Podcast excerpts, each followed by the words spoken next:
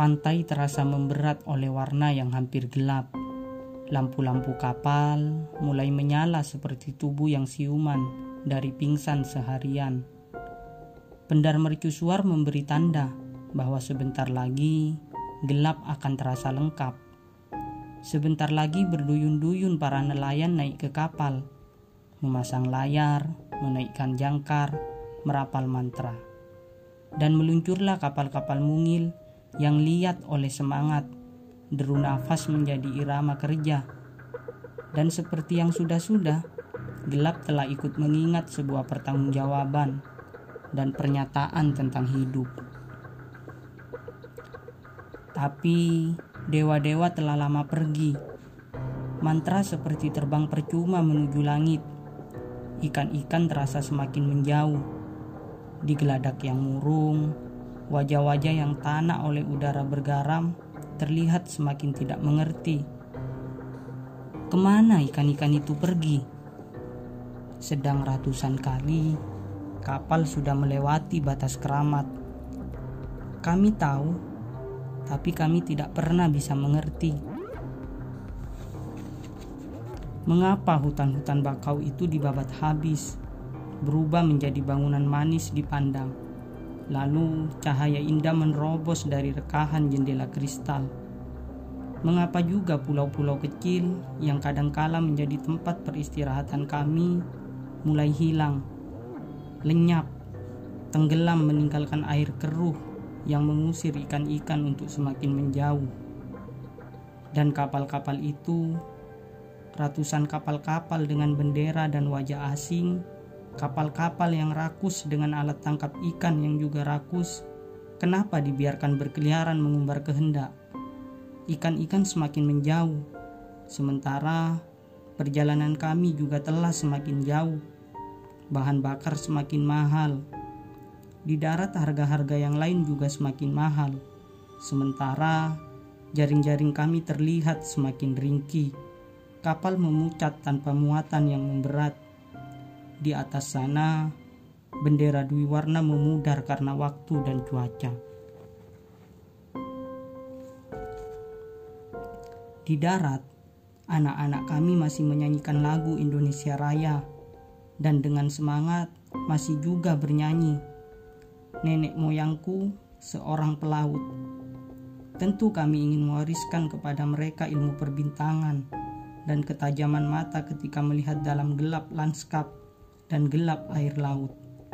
Ingin kami bagikan ilmu sederhana agar mata kita tajam dengan cara memakan mata ikan yang masih segar.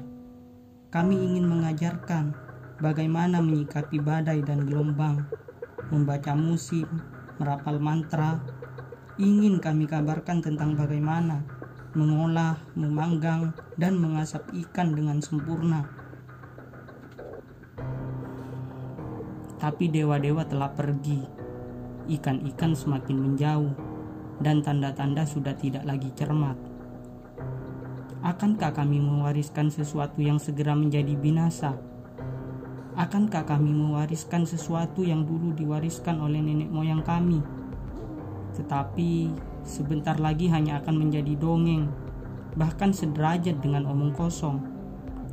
Alangkah malangnya ketika rantai pengetahuan yang kuku itu yang dibangun dari ratusan pengalaman tiba-tiba bagi sebuah generasi hanya tak lebih menjadi bualan. Dan mungkin kami hanya akan merintih dalam hati ketika dengan jujur anak cucu kami bernyanyi nenek moyangku seorang pelaut. Siapakah yang harus dipersalahkan ketika kami tidak berani mengajarkan dan mewariskan itu semua, sebab kami sendiri telah putus harapan dengan kehidupan kami sendiri. Sementara nyala lampu badai di kapal dan pendar lampu mercusuar kala menarik dibanding neon warna-warni yang menerobos lewat kaca kristal di bibir pantai. Ketika nyanyian kerja kami tertelan oleh pesta-pesta meriah di layar televisi, mereka anak-anak kami sudah tidak lagi mengantar kami dengan sorot mata yang bisa kami tangkap seakan berkata, kapan kami lekas besar sehingga bisa ikut melaut, Bapak? Setiap mengantar kami, mata mereka sudah goyang tak tentram. Sebentar lagi tayangan sinetron segera muncul di layar televisi, dan mereka tahu bapaknya tidak akan membawa pulang banyak ikan. Dan nyanyian tentang nenek moyangku seorang pelaut tak lebih dari sindiran, sebab mereka tidak sedang berbangga dengan nenek moyangnya dan tidak sedang membuat pernyataan bahwa mereka dihidupi dari laut. Nyanyian itu ingin mengatakan bahwa kapan kami lekas besar sehingga kami bisa menjadi dan penyanyi dan bintang sinetron Bapak. Seperti dewa-dewa itu, seperti ikan-ikan itu, kami pun terusir menjauh dari kehidupan kami sendiri. Sebagian besar dari kami membuat rumah-rumah di tanah yang tergenang oleh laut ketika pasang hingga kami timbuni dengan tanah dan sampah, dan kami bangun dengan kerja keras hingga air pasang tak lagi menyentuhnya.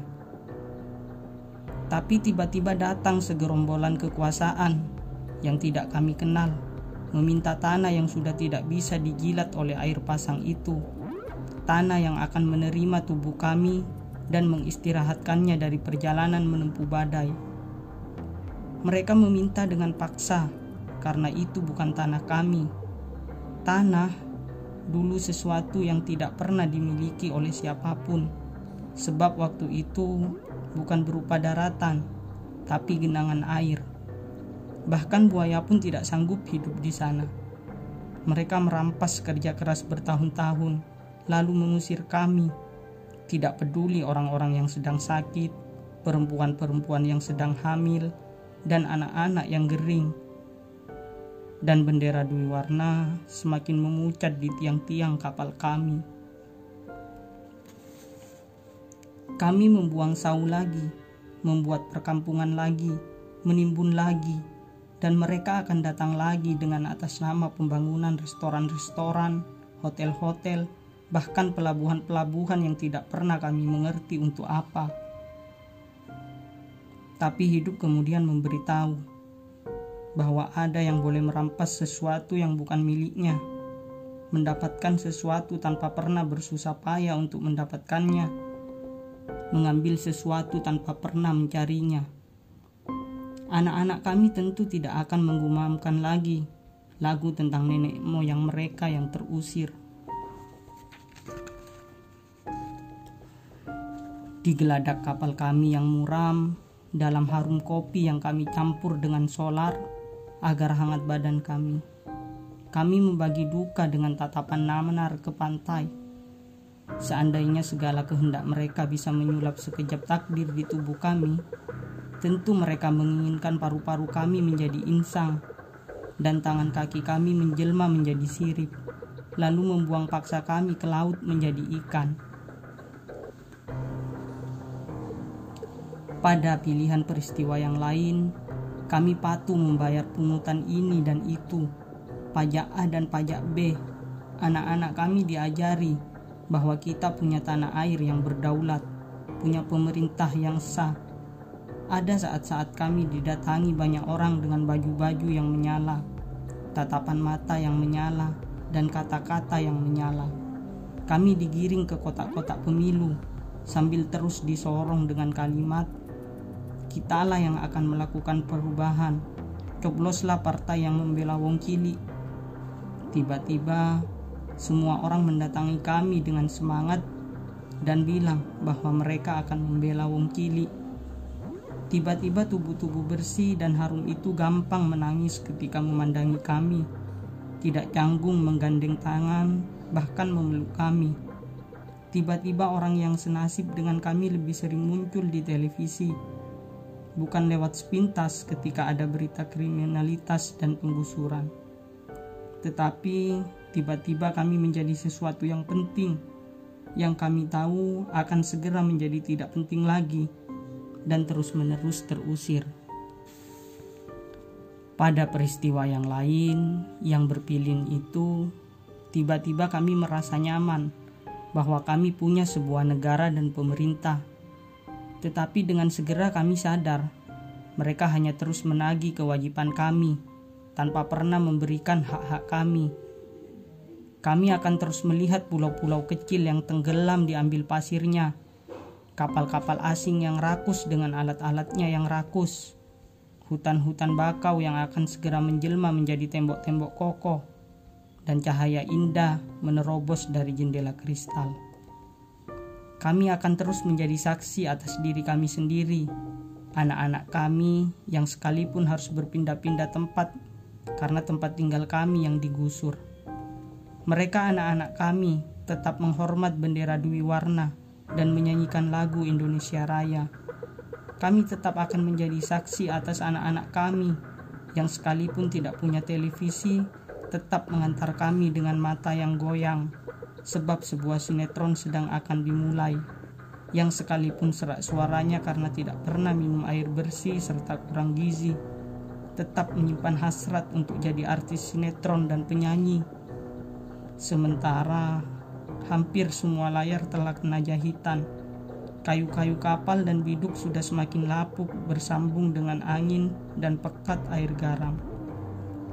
Lalu mulai keruh oleh pasir, limbah, dan cairan merkuri Tiang-tiang pancang mencenderai pantai, dipaksa menjadi altar untuk memuja ragusnya kehendak. Ketika ufuk mulai bangkit di timur jauh, tali-tali meregang ditambatkan.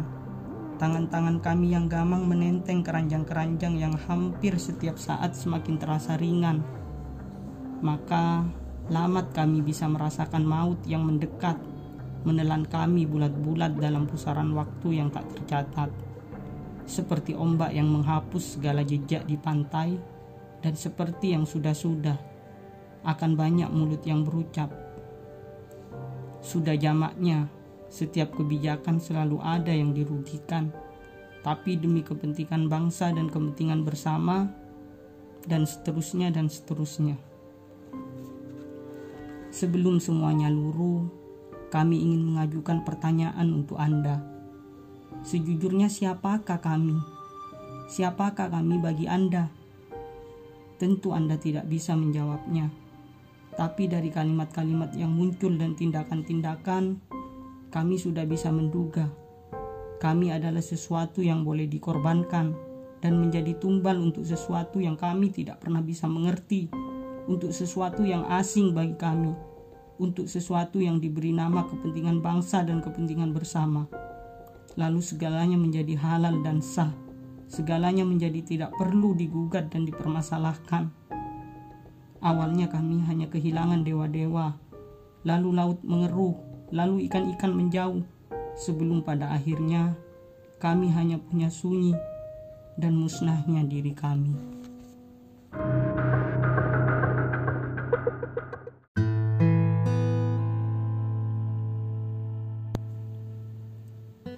Kami dibesarkan oleh bunyi hujan dan nyala kunang-kunang. Bunyi hujan yang jatuh menerpa daun-daun tebal sebelum tiba di tanah. Meresap menyatu seperti rindu yang telah lama menunggu. Di lanskap jauh, bebukitan menghijau, mengepung seperti raksasa yang telah tertidur ratusan tahun lalu. Mengirim segala berkah dan mimpinya lewat aliran sungai bening sehingga setiap anak manusia bisa melihat wajah dan gairahnya. Ingatanku dipenuhi oleh timbunan dan pergantian warna yang menakjubkan. Jika pagi reka, sejauh mata memandang adalah hamparan warna hijau yang berkilau. Konon, para peri menyiraminya dengan air mata mereka, agar kamu kelak bisa menuai bulir-bulir padi yang bernas. Dan setiap malam, mereka mengirim jutaan kunang-kunang untuk menjaga hamparan tanaman padi itu agar jauh dari malapetaka dan kutukan. Malam yang menyala. Konon, bintang-bintang adalah juga kunang-kunang yang menjaga langit agar hujan terkirim ke bumi dengan sempurna. Aku dibesarkan oleh rengkuh kebersamaan, upacara-upacara, tegur sapa, kerendah hatian pada alam. Di langit malam kami, bulan tidak pernah berwarna pucat. Dan jika awan bergerak terkena sinar rembulan, maka orang tua kami akan melantungkan kidung. Jangan tidur sore, wahai anak manis, sebab para dewa sedang berkeliling membawa sebuah bejana emas. Bagi mereka yang terjaga pada malam, segala berkah dari bejana itu akan menjadi anugerah. Lalu tahun-tahun bergerak, membuat semuanya menjadi lawas dan pucat. Nyala neon di sepanjang peta desa membuat bintang dan bulan enggan. Racun disebar ke tanah ranum kami, mengusir kunang-kunang dan ular. Pintu-pintu tertutup, tidak ada lagi gentong air yang tersedia di depan rumah untuk membasuh kaki dan wajah para pejalan yang singgah. Raksasa hijau yang tertidur kini telah sekarat. Mesin-mesin berat telah menggerogotinya. Kayu, batu, dan pasir dikuras, diangkut ke kota-kota bawah yang sibuk berbenah. Desa tinggal rangka, warnanya coklat meranggas. Sungai mati. Sumber airnya yang sudah kecil itu kini dialirkan melalui pipa, pipa besi, dijual dalam bentuk air kemasan yang menawarkan gaya hidup sehat. Para petani yang sudah rusak tanahnya itu semakin tidak mengerti ketika aliran sungai sudah tidak bisa lagi menggenangi tanah mereka. Hidup berubah warna menjadi coklat meranggas. Tidak ada lagi kepak unggas dan kunang-kunang redup hilang seperti penduduk desa yang habis nafas. Para petani mengurut dada, menunduk pilu Bertani sekarang ini hanya sekedar sebagai cara untuk menunda kematian, sekedar usaha mengusah maut. Anak-anak desa kini sudah tidak ada lagi yang bercita-cita menjadi petani. Satu-satunya harapan adalah menatap kotak kecil televisi, melayangkan mimpi. Siapa tahu bisa menjadi bintang lewat akademi fantasi. Dulu kami menganggap bahwa semua yang sedang terjadi ini sebuah takdir tapi dengan segera kami menyangkalnya sendiri. Apakah memang Tuhan mendatangkan puluhan kendaraan dan mesin-mesin berat itu setiap hari agar kami sengsara? Mereka datang seperti telah menahan lapar bertahun-tahun, rakus mengangkuti semuanya nyaris tanpa sisa. Kemudian kami berpikir bahwa ini karena kami yang salah, sebab kesengsaraan ini datang karena kami kurang bekerja keras tapi dengan segera kami menyangkalnya kembali. Sebab sekeras apa pun kami bekerja, jika semua telah diambil, semua telah dirampas, semua telah dibawa pergi, kami tidak akan bisa lepas dari kesengsaraan ini. Kami memasuki sebuah peradaban yang aneh. Dulu kami menjaga gunung, hutan, dan sungai dengan kesungguhan hati dan rasa hormat yang tinggi kami tidak pernah merasa memilikinya, sebab semua itu di luar segala hal yang tidak bisa dimiliki. Kami hanya tahu, tanpa gunung, hutan, dan sungai, kami tidak akan bisa hidup. Kami mencecap dan menggunakan secukupnya tanpa merusak, apalagi membinasakan. Tapi tiba-tiba ada sekelompok orang datang dengan hak untuk memiliki semua itu mengambil, merusak, dan membinasakan. Sewaktu kami bertanya, mereka menjawab bahwa negara membutuhkan pemasukan dan pajak-pajak. Lalu kami bilang bahwa Tuhan, nenek moyang, dan dewa-dewa bisa marah. Mereka tertawa. Mereka bilang itu semua tahayul dan mitos belaka. Mereka berkata bahwa di dunia luar orang sudah bisa terbang ke mana-mana lebih cepat dari doa-doa. Mereka bilang bahwa dunia sudah tidak lagi dibangun oleh dongeng-dongeng, tetapi oleh persaingan, dan jika kami tidak cepat bangkit, maka kami akan tertinggal. Kami tidak paham apa yang dimaksud dengan bangkit dan apa yang dimaksud dengan tertinggal. Tapi setiap kali mereka datang, kami selalu tidak paham dan tidak pernah paham. Dulu mereka datang dengan kata membangun dan swasembada. Tapi kira-kira maksud mereka adalah kami harus mengganti bibit-bibit padi kami dengan bibit-bibit padi mereka. Menanam dengan cara mereka, merawat padi dengan cara mereka, menanam dengan cara mereka, dan menjual dengan cara mereka. Kemudian yang kami tahu, tanah kami menjadi dingin seperti mayat. Mereka mengajari kami bagaimana membunuh tanah kami yang kami hormati dengan pelan-pelan, menaburi dengan racun agar padi yang mereka kenalkan bisa dipanen dengan baik.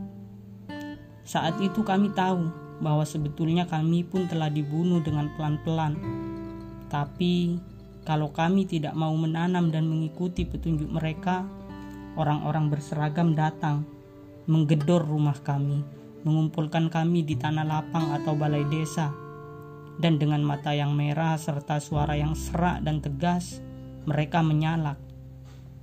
Yang tidak mau menanam jenis padi ini berarti menghambat pembangunan, dan yang menghambat pembangunan berarti komunis. Itu tentu bukan sesuatu yang sederhana dan lazim banyak hal yang hilang bersamaan dengan itu. Lesung yang kami punyai, yang kemudian tidak hanya kami pakai untuk menumbuk padi, tapi juga untuk melakukan pesta-pesta dan memberi tanda-tanda, hanya teronggok sepi. Sebab beras yang dihasilkan tidak mungkin kuat dihantam kerasnya alu. Tidak ada lagi ani-ani, tidak ada lagi upacara dan gairah yang menyala. Semua hal dilakukan dengan cepat dan tanpa rasa mengolah tanah dengan cepat, menanam dengan cepat, merawat dengan cepat, memanen dengan cepat, untuk kemudian tanah diolah lagi dengan cepat. Begitu seterusnya. Tak ada lagi rasa dan bakti, dan hidup seperti selalu mengulang lelah yang sudah. Sementara di sekeliling kami lampu-lampu gemerlap mulai dinyalakan. Iming-iming yang menajubkan seperti dilemparkan oleh tangan gaib yang lain. Bocoran-bocoran kemewahan sudah tidak lagi hanya berupa suara yang sayup-sayup. Semua nyata dan mengepung kami. Kehidupan kami adalah yang di luar sana, sedangkan yang selama ini kami jalani bukan kehidupan, tetapi zaman yang belum beradab, sebab tidak ada kabel-kabel dan tombol-tombol.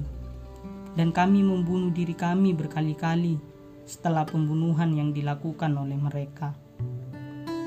Kami menjadi buruh yang menggerogoti tanah dan kehidupan kami sebelumnya. Kami memecah batu, mengangkuti gelondongan kayu dan pasir. Kami menggagahi keyakinan kami sendiri, sebab orang yang miskin tidak boleh lagi punya keyakinan, apalagi mimpi-mimpi. Mereka memetaki tanah kami, meledakkan bebukitan, menyediakan alat angkutnya, dan kami seperti semut-semut yang menerima remahan roti, memakan sejarah dan moyang kami sendiri, memakan sisa-sisa. Bagaimana semua ini bisa terjadi? Dan anak-anak kami tertunduk dengan muka memberat. Sebagian hatinya mungkin masih menaut pada sisa-sisa cerita masa lampau, tetapi sebagian lain sudah direnggut oleh kenyataan yang ditangguhkan bahkan dibayangkan oleh siapa pun selain mereka yang mengalaminya sendiri. Bocoran dunia yang gemerlap semakin menderas pada diri mereka, sebab anak muda harus riang dan gembira, harus wangi dan ceria, harus terkenal dan kaya. Lalu mereka berbondong-bondong mencari remahan roti yang lain ke kota. Apalagi harus mereka pertahankan di sini. Setiap kemiskinan, tidak pernah menjanjikan apa-apa selain kematian yang nista.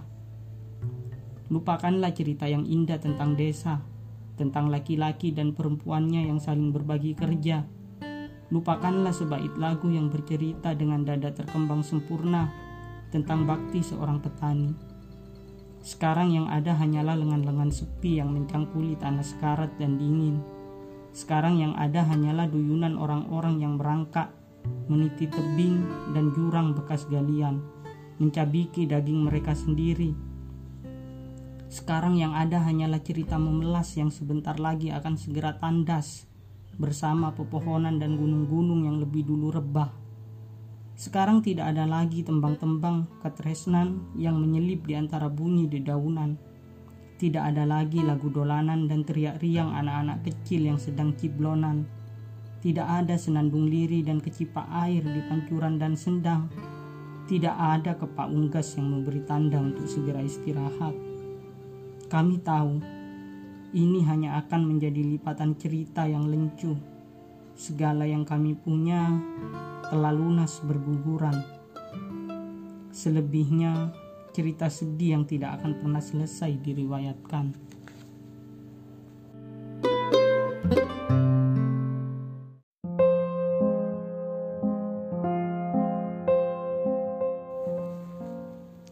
Kami adalah bagian dari deru mesin.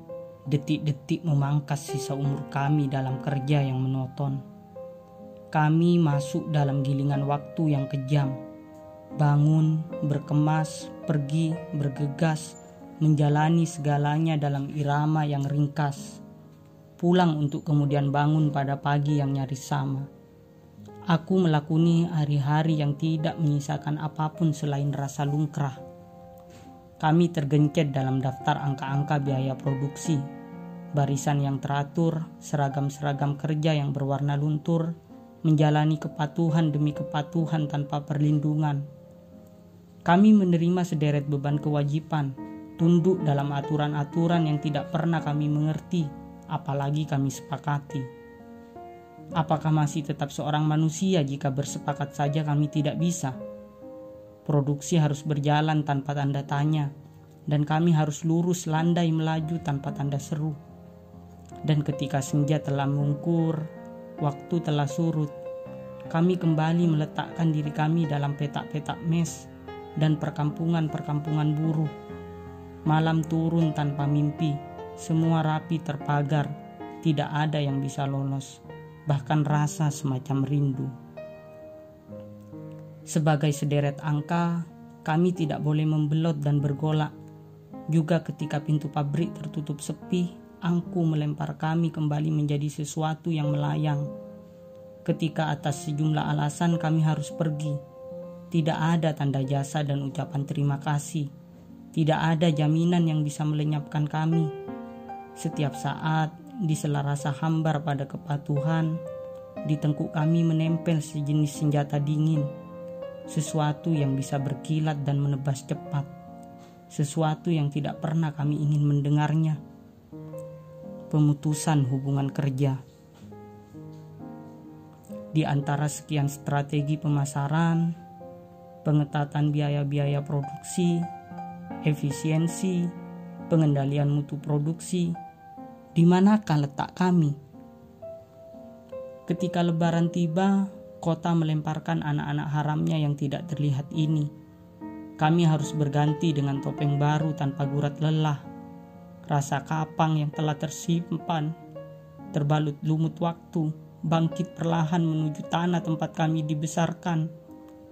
Setiap kali kepulangan, mata kami terasa silau oleh cahaya matahari yang terpantul oleh bukit-bukit gundul, dan sebagian telah rata bahkan menjelma menjadi jurang-jurang baru. Angin yang bertiup hanya membawa bau tanah yang semakin cengkar. Kami membawa oleh-oleh televisi dan balang elektronik yang lain. Memajangnya di ruang tamu seperti kami memajang kepalsuan kami sendiri. Sungguh kami tidak ingin apa-apa. Kami hanya ingin mengatakan pada seluruh keluarga dan tetangga bahwa kami baik-baik saja tidak tega rasanya menambah beban kehidupan mereka. Mereka telah kehilangan banyak hal, dan kami tidak ingin berbagi ratapan. Bagi orang seperti kami dan mereka, hidup adalah rentetan cerita tentang bagaimana air mata mengalir hingga tinggal serak suara di bilik-bilik gelap peristiwa. Sebagian dari kami bahkan tidak lagi menemukan kampung halaman mereka hanya menemukan lahan-lahan tambang, pelabuhan-pelabuhan, dan tanah-tanah sengketa. Mereka tidak lagi menemukan peta, tanda, dan sekedar pesan. Sebuah kelompok masyarakat bisa begitu sempurna sebagai orang yang terpinggir dan terusir, sempurna sebagai kelompok yang teraniaya.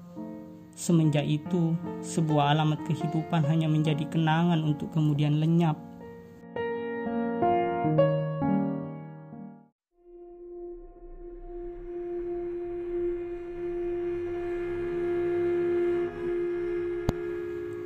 Lalu kami kembali berada dalam gua bising pabrik, deru mesin, mata-mata yang siap melipat dan melemparkan kami jika ada sedikit kesalahan terjadi. Lalu kami kembali ke petak-petak padat bersama majalah-majalah mode bekas, lagu-lagu Melayu, kosmetika-kosmetika murahan, dan segala hal yang sejenak bisa memoles setiap perih dan kecewa. Hingga kami benar-benar tak bisa mengerti mengapa ada bendera-bendera berkibar mengubar janji akan penyelamatan. Hingga kami benar-benar tak bisa mengerti ketika kami mendengar suara-suara yang bersemangat berbicara tentang kesejahteraan ketika kursi mereka mengepung meja sidang. Apalagi jika kami mendengar teriakan bahwa suara kami bisa membuat kami selamat menuju surga.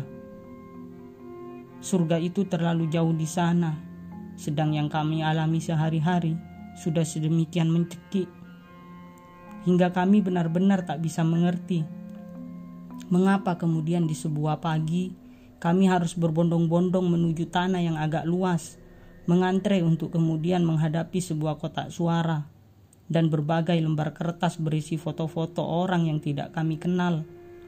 Mereka membutuhkan suara kami. Alangkah luar biasanya hidup ini. Tak kenal, tak pernah bersua, tak ada percakapan apalagi kesepakatan. Tiba-tiba langit seperti runtuh karena semburan panji-panji dan janji-janji. Kalian siapa? ke mana dan di mana saja kalian selama ini. Lamat-lamat, kami teringat sebuah pelajaran mengaji ketika kami masih kecil dulu. Konon, kata Pak Kiai kami, Tuhan membenci orang yang menyutukukannya. Tetapi lebih benci lagi golongan orang munafik yang kiri-kirinya ada tiga. Jika berkata, ia dusta. Jika berjanji, ia ingkar, dan jika diberi amanat, ia berkhianat. Dulu kami merasa belum pernah melihat orang yang berciri seperti itu, tapi setiap kali kami mendengar janji-janji dan wajah-wajah di televisi, kami merasa, kami merasa, ah, tidak enak. Tapi kami rasa segala hal yang seperti itu menjadi cukup lazim menimpa orang-orang seperti kami. Kami menempati daftar masalah paling belakang di negeri ini. Kalau ada wabah penyakit, baru menjadi perhatian. Jika sudah sekian puluh atau sekian ratus orang mati, jika elit politik ingin menaikkan nilai tawar dan eksistensinya, kami yang harus pasang dada. Jika ada bencana alam dan wabah, yang lebih dulu berkibar dalam sebuah pertolongan adalah bendera.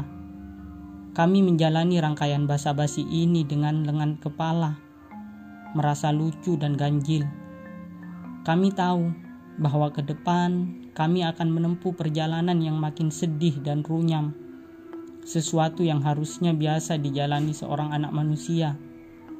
Tiba-tiba, bagi kami menjadi sesuatu persoalan yang pelik seperti menikah dan beranak pinak. Semua yang berhubungan dengan segala hal menjadi begitu mahal. Ongkos transportasi, bahan makanan, biaya kesehatan. Belum lagi jika kami berpikir, bagaimana kelak anak-anak kami harus sekolah. Siapa bilang bahwa kehidupan selalu menuju ke arah yang lebih baik?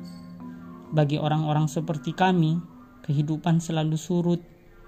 Bahkan jika memungkinkan, kami akan kembali menjadi binatang melata. Bagi orang-orang seperti kami, hidup adalah sebuah kewajiban yang getir.